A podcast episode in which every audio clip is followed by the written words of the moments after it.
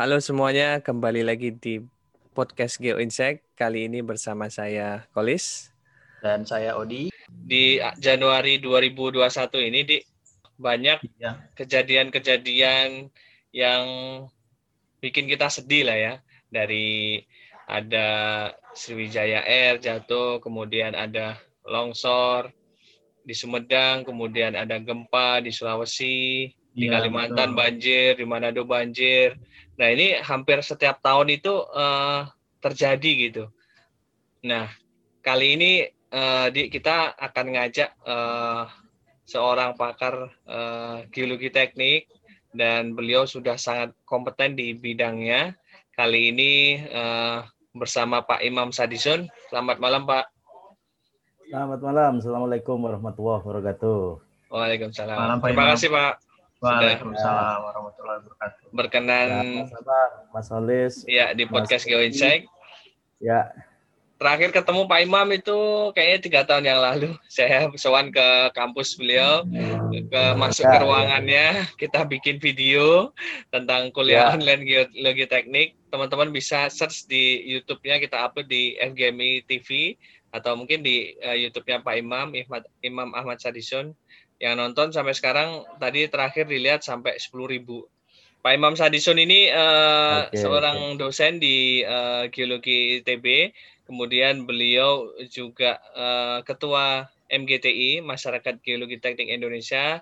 Dan saat ini beliau juga wakil ketua eh, IAGI dan beliau sangat eh, kompeten di bidang geologi teknik eh, mengerjakan berbagai proyek eh, terowongan, jembatan dan lain-lain eh, bersama Kementerian PUPR ya Pak ya.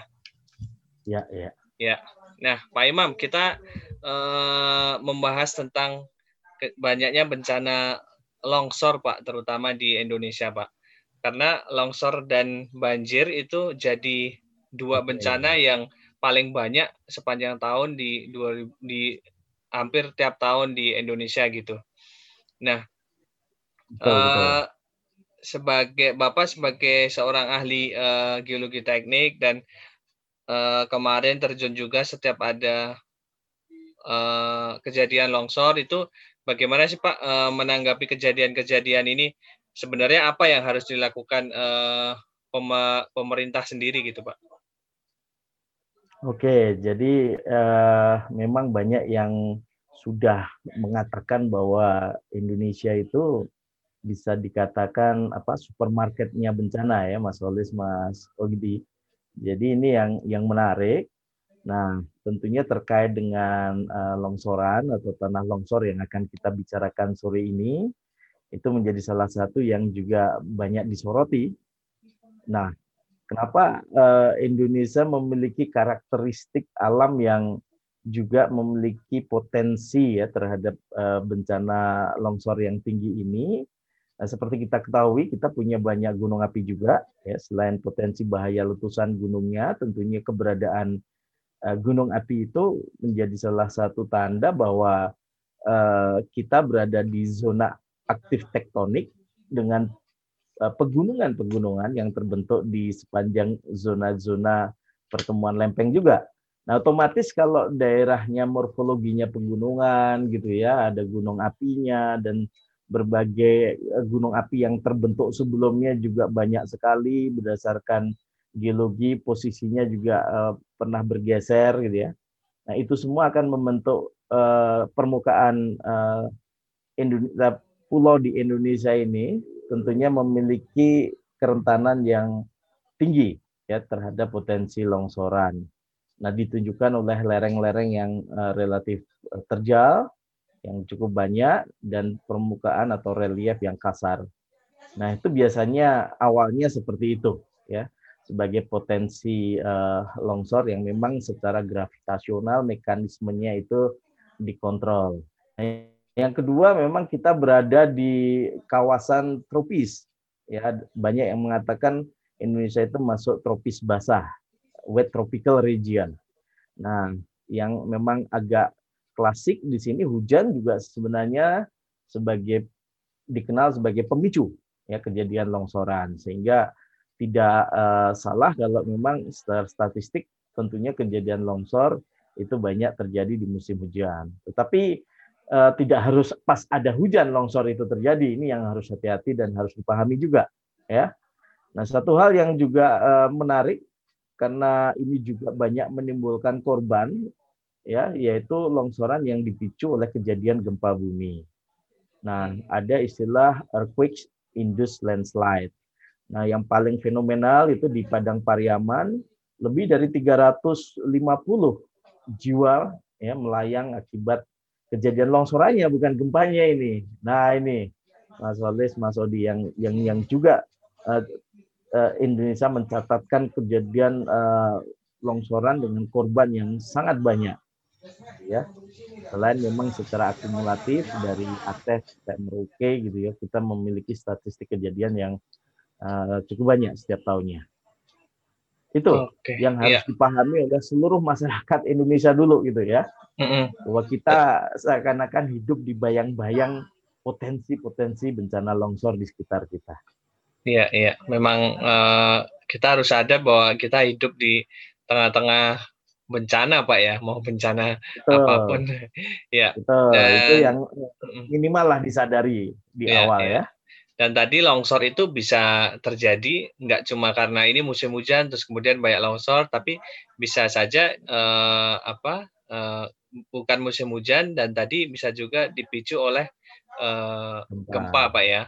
Tadi di ya. Padang ya pak ya contohnya pak ya menelan banyak ya. korban jiwa ya. Betul. Hmm. Betul Padang Pariaman itu yang paling banyak itu korbannya. 2009 okay. itu. Oke, Pak. Uh, sebenarnya harusnya apa sih yang dilakukan? Saya uh, suka mengatakan gini, earthquake do not kill, but the landslide do. Longsornya yang yang menimbulkan lebih banyak korban waktu itu. Oh iya gitu. iya iya iya. Jadi gempanya ya, mungkin ya, tidak gimana? banyak membunuh, tapi Mas, dari longsorannya itu ya Pak ya? Ya, untuk kejadian uh, gempa uh, Padang Pariaman 9 September uh, eh 30 September sorry 2009. 30 saya hafal sekali itu waktu itu karena memang saya 30 September 2009 karena itu menjadi objek riset saya juga gitu. Jadi tanggalnya hafal gitu dan kebetulan dua atau empat kali ya saya ke sana gitu untuk melihat uh, uh, meneliti bagaimana proses kejadiannya. Oke, Pak. Itu salah satu yang memang uh, saya kunjungi gitu ya. Ya dengan banyaknya kejadian longsor itu Pak uh, dan harusnya pemerintah itu uh, bagaimana sih Pak? Hmm. Sekarang kan ada BMKG, ada BNP, BNPB, uh, BMK, BMKG mungkin uh, meramalkan ini banyak uh, intensitas curah hujannya tinggi gitu. Nah sebenarnya uh, uh, mungkin ada yang kurang nggak sih Pak dari uh, yang sudah ada dari pemerintah sekarang gitu untuk menyiapkan ketika uh, atau memetakan atau menyiapkan daerah-daerah yang uh, dengan ya. kerentanan tinggi.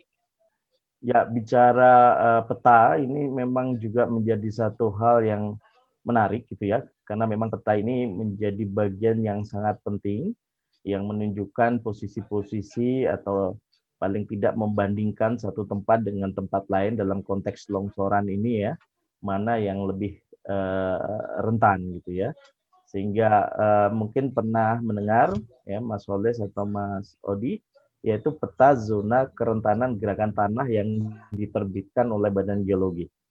Nah, itu satu acuan awal sebenarnya yang perlu juga dipahami oleh masyarakat kita dan memang eh, peta itu secara operasional mestinya eh, sudah digunakan oleh pemerintah entah pusat ya dalam hal ini BNPB dan lembaga-lembaga terkait kebencanaan maupun pemerintah daerah karena memang uh, skala tiap kabupaten kota di Indonesia juga sudah dirilis oleh Badan Geologi.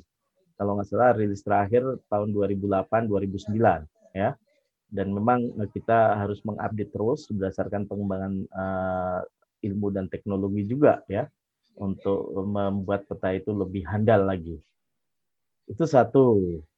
Yang yang kedua ini yang menarik sebenarnya kalau di bencana-bencana itu ada istilah peringatan dini ya hmm, nah ya.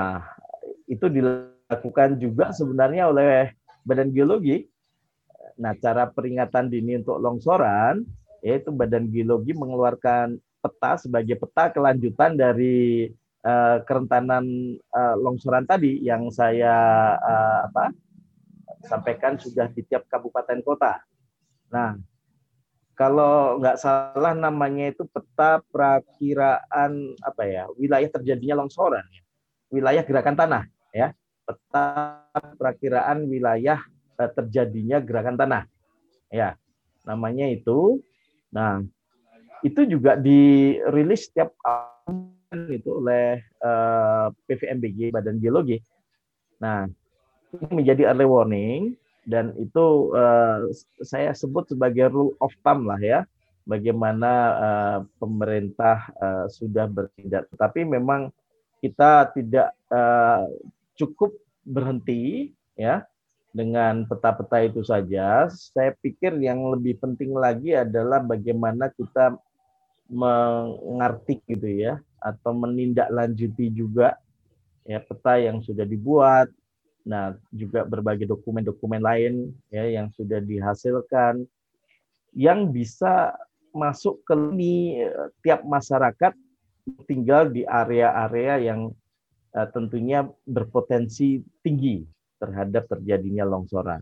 Nah, itu yang kadang-kadang saya bertanya-tanya apakah masyarakat di eh, area-area yang uh, masuk dalam kategori katakanlah zona kerentanan gerakan tanah tinggi itu mereka menyadari dan juga atau tahu dulu lah minimal Mas Oles ya, ya. tahu dulu menyadari ada action gitu yang mereka lakukan atau mereka sudah uh, suatu uh, langkah dalam konteks mitigasi.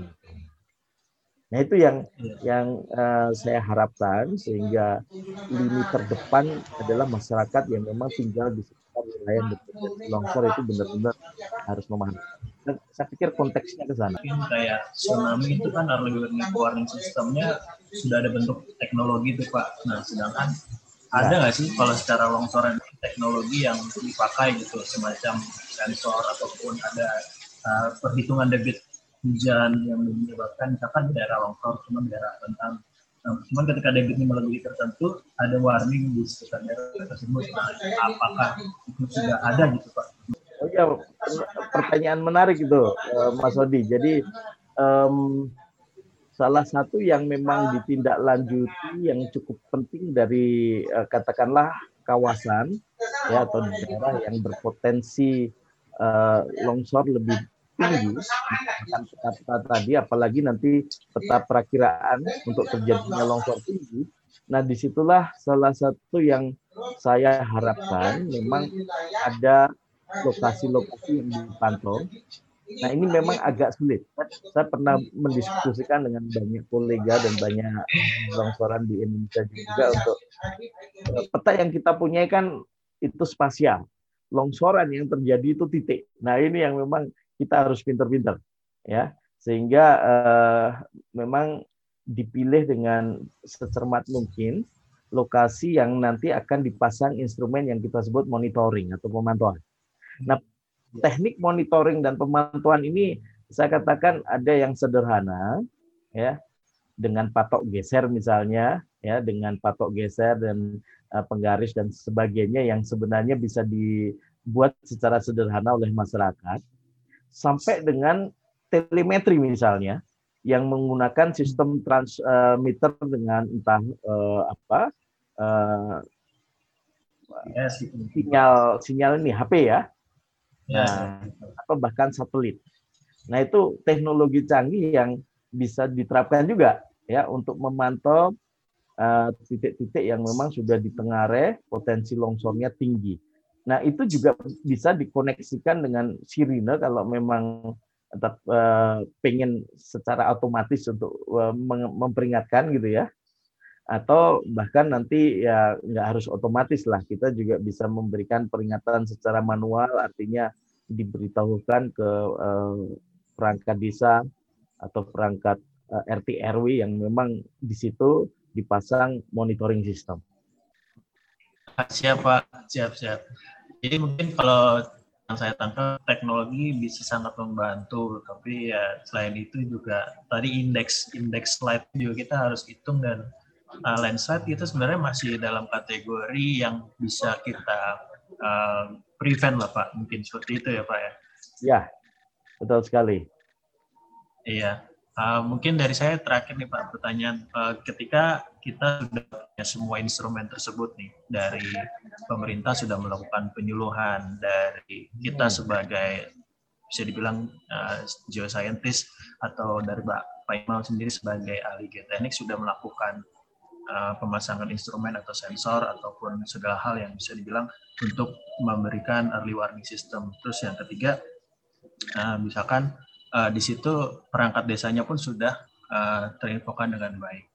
Nah, tapi uh, kenapa misalkan di sana uh, longsor itu tetap terjadi dan banyak korban itu sampai. Nah, yang yang bisa kita anggap sebagai satu faktor yang bisa dibilang mungkin apakah ini pengaruh dari uh, mungkin kondisi alamnya di daerah situ di situ sendiri atau mungkin uh, mereka penduduk yang masih uh, bisa dikatakan bandel bikin bangunan di daerah yang rawan atau mungkin pemerintah yang kurang dari sisi entah itu penyuluhan, entah itu uh, relokasi atau yang lain. Pendapat Pak Imam seperti apa? Wah, ini menarik sekali ini ya tinjauan dari sisi-sisi yang memang kalau saya lihat sangat pelik. Satu sisi gini, eh, banyak eh, yang mengatakan bahwa bencana ini sebenarnya nggak ada yang bencana alam gitu ya. Karena sebenarnya eh, aktor utamanya adalah manusia gitu, Mas Adi. Nah, ini yang yang menarik alam ini memang memiliki karakter dan fenomena alam harus terjadi. Nah manusia harus mengingatkan, konon seperti itu. Nah, terkait dengan longsor. Nah memang mau nggak mau saya suka mengatakan masyarakat kok lama-lama dalam tanda kutip berani menantang gitu ya area-area eh, kalau kita berkaca dengan Sumedang misalnya yang kemarin terjadi ya. Oh kita lihat areanya sudah perbukitan gitu ya yang yang di lereng bukit itu terjal lereng-lerengnya juga uh, kita lihat wah tanpa ada proses stabilisasi sama sekali banyak perumahan baru dan sebagainya. Nah apakah memang harus tanah? Nah ini pernah kan? Kadang-kadang uh, apakah perumahan itu harus ke arah sana? Padahal daerah yang datar masih banyak. Nah saya khawatir memang Eh, eh, perkembangan pembangunan dan sebagainya membuat wilayah-wilayah yang yang strategis itu menjadi mahal, wilayah-wilayah yang marginal yang berpotensi bencana itu murah masih murah-murah gitu ya. Nah, sehingga orang lari ke sana gitu. ya, ya larinya ke sana masih murah di sana gitu kan. Padahal yang saya khawatir wah tidak disadari mereka mendekati sumber bencana gitu ya potensi bencana ini yang yang harus disadari ya karena kadang-kadang ada yang mengkaitkan dengan kondisi uh, ekonomi gitu ya atau uh, bagaimana kesadaran masyarakat dan dalam konteks pendidikan dan sebagainya gitu ya. Nah itu yang yang menarik sehingga uh, kita nggak bisa menyalahkan alam, tapi tentunya juga masyarakat butuh tempat gitu ya satu sisi dengan kondisi yang uh, mungkin mencukupi bagi mereka Nah, ya optimasi harus dilakukan memang. Nah, bagi saya penduduk yang harus sadar dan tinggal di area longsor ini juga memahami yang mungkin pernah mendengar ya tanda-tanda satu lereng tidak stabil misalnya ya potensi-potensi longsor yang sudah dekat dan sebagainya gitu. Jadi saya mengatakan bencana ini pasti diawali dengan satu tanda-tanda yang yang harus dipahami juga oleh penduduk secara sederhana gitu ya.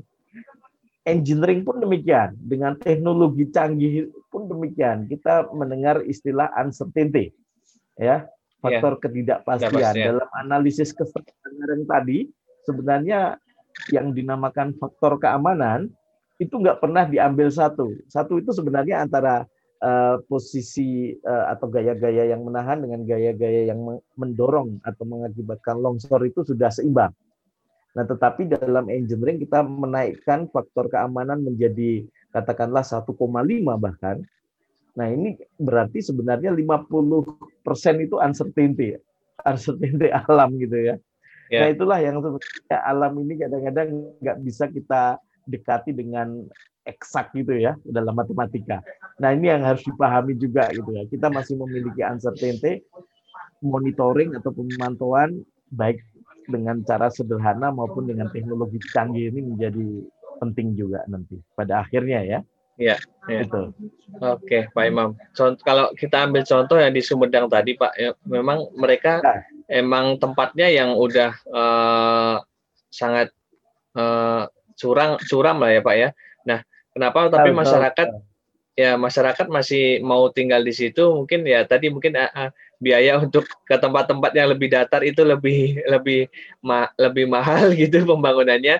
Nah, apakah ya. di sini seharusnya peran pemerintah itu lebih lebih tegas lagi gitu Pak ya harusnya karena ini daerah yang uh, rawan harusnya emang benar-benar steril dari tempat-tempat penduduk gitu. Jadi tidak akan memakan korban sebanyak uh, kemarin mungkin Pak.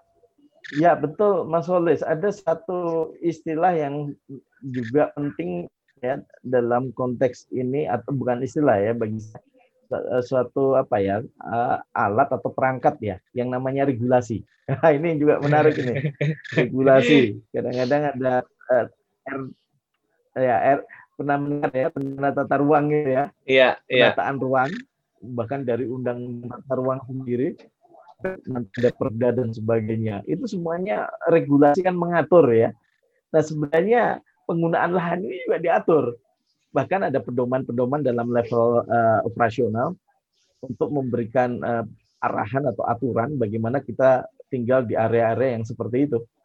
Gitu. Nah, saya khawatir kita punya punya regulasi yang cukup bagus, tetapi implementasi yang juga perlu diperhatikan eh, juga gitu ya. Nah ini yang yang kadang-kadang saya juga kurang ngerti kenapa mestinya daerah-daerah permukiman di area-area yang uh, dengan lereng terjal atau daerah perbukitan itu sangat terbatas sekali penggunaannya dan ada teknik-teknik khusus yang harus mereka lakukan lah bukannya kita melarang melarang melarang gitu ya hmm. tetapi bagaimana uh, mereka melakukan uh, istilahnya bertindak untuk bersahabat dengan alam lah gitu ya. Iya. iya gitu. Ya, Sebenarnya ya. Uh, regulasi itu mengarahnya ke sana gitu. Iya. Iya. Ada prinsipnya ya. gitu. Regulasinya udah ada, harusnya tinggal uh, kita sebagai uh, manusia juga harus sadar bahwa kita uh, tinggal dengan uh, bahaya yang akan datang kapan aja gitu pak ya. Dan betul, betul harusnya ketika membangun di ya ketika kita mau membangun di tempat-tempat yang dengan kondisi alam yang uh, sewaktu-waktu bisa membahayakan ini mungkin harusnya uh, ke depannya setiap mau bangun rumah di daerah tertentu kayak harus konsultasi ke orang-orang seperti Pak Imam Sadison ini. Jadi ah, banyak teman-teman yang bisa juga hanya kemauan dari itu yang harus ada dulu lah ya. Iya, iya, gitu. iya. Oke, ya mungkin bisa kita simpulkan intinya eh, kita memang Indonesia hidup di uh, sebagai ring of fire kita banyak bencana nggak cuma longsor banjir banyak ada gempa bumi tsunami. Kita harus sadar bahwa kita tinggal di uh, daerah uh, rawan bencana gitu. Nah kalau kita terutama untuk longsor sudah pasti harusnya uh, kita juga sadar kalau kita membangun tempat tinggal di situ apakah emang uh, daerah tersebut uh, rawan akan bahaya tersebut atau enggak dan pemerintah dalam hal ini harusnya uh, lebih uh, tegas lagi mungkin untuk ketika sudah ada regulasi mungkin di tempat-tempat tertentu itu tidak harusnya tidak terlalu banyak uh, pemukiman seperti itu. Oke, Pak Imam mungkin ada uh, pesan Pak untuk uh, pendengar kita ataupun untuk masyarakat uh, umum Pak terkait uh, Oke, jadi apa pun itu. Ya, jadi uh, untuk ke depan memang uh, di awal saya mengemukakan bahwa kita harus sadar bahwa alam Indonesia penuh dengan potensi-potensi longsoran. Jadi kita sebenarnya hidup saya sebut selalu dalam bayang-bayang ancaman longsor. Nah, tetapi sebenarnya proses longsoran itu itu juga fenomena alam di mana alam akan selalu ingin menyeimbangkan gitu ya eh, kondisinya sehingga terutama lereng-lereng. Nah, sebagai eh, orang yang benar-benar ya tinggal di permukaan bumi dan berhadapan dengan lereng dalam hal ini ya kita mau nggak mau harus memahami bagaimana karakteristik lereng itu. Nah, ini tidak hanya menjadi kewajiban pemerintah atau kewajiban individu, tetapi saya pikir semuanya harus bahu membahu seluruh stakeholder dalam hal ini gitu ya. Nah, harus uh, bekerja sama untuk ke depan lebih baik lagi melakukan dalam konteks yang lebih sederhana atau kita mengenal juga ulangan bencana atau manajemen bencana yang pada akhirnya saya harapkan masyarakat itu menjadi masyarakat yang tangguh dan yang uh, cukup lenting ya terhadap kejadian-kejadian bencana alam yang ada di sekitarnya. Saya pikir itu Mas Mas Ogi yang menjadi penting. Ya, terima kasih Pak Imam. Menarik uh, banget sebenarnya di yang ngobrol dengan Pak Imam selain Nah ini baru satu topik doang nih terkait uh, longsoran nih. Mungkin nanti kita boleh uh, satu episode lagi Pak. Mungkin tentang uh, apa pembangun peran Pak Imam di uh, pembangunan kereta cepat Jakarta Bandung mungkin bisa juga itu Pak ya, ya. menjadi case menarik itu Pak. Nah, itu. Boleh, boleh. itu menarik banget tuh. Boleh, Odi ya. Ini instruktur yang memang pertama kali yang ya bisa dikatakan uh, canggih lah nanti ke depannya. Iya. Siap. Kita angkat uh, biar beritanya cuman nggak hanya siapa yang membangun keretanya Cina atau Jepang, tapi gimana susahnya uh, kondisi uh, geologi Betul. atau geologi tekniknya membangun itu seperti apa gitu. Oke. Okay. Ya, ya. Pak Imam, uh, sampai ketemu nanti mungkin di episode uh, selanjutnya nanti. Uh, okay. Terima kasih atas waktunya uh, malam ini. Teman-teman bisa dengerin episode-episode uh, lainnya juga di uh, podcast uh, Geo Insight. Saat ini sudah 44 episode mungkin. Teman-teman uh, yang mau mengenal lebih jauh tentang Pak Imam Sadison bisa follow uh, Instagramnya uh, IAS ya Pak ya Pak Imam Sadison Pak ya, ya Instagramnya. Oke. Okay. Pak Imam ada video YouTube juga Imam Ahmad Sadison bisa di uh, bisa di subscribe di situ ada video-video tentang uh, webinar uh, Pak Imam dan jangan lupa juga follow Instagramnya Geo Insight at Geo Insight ID dan ikuti kita juga di Spotify at uh, Geo Insight. Sampai jumpa di episode selanjutnya. Bye.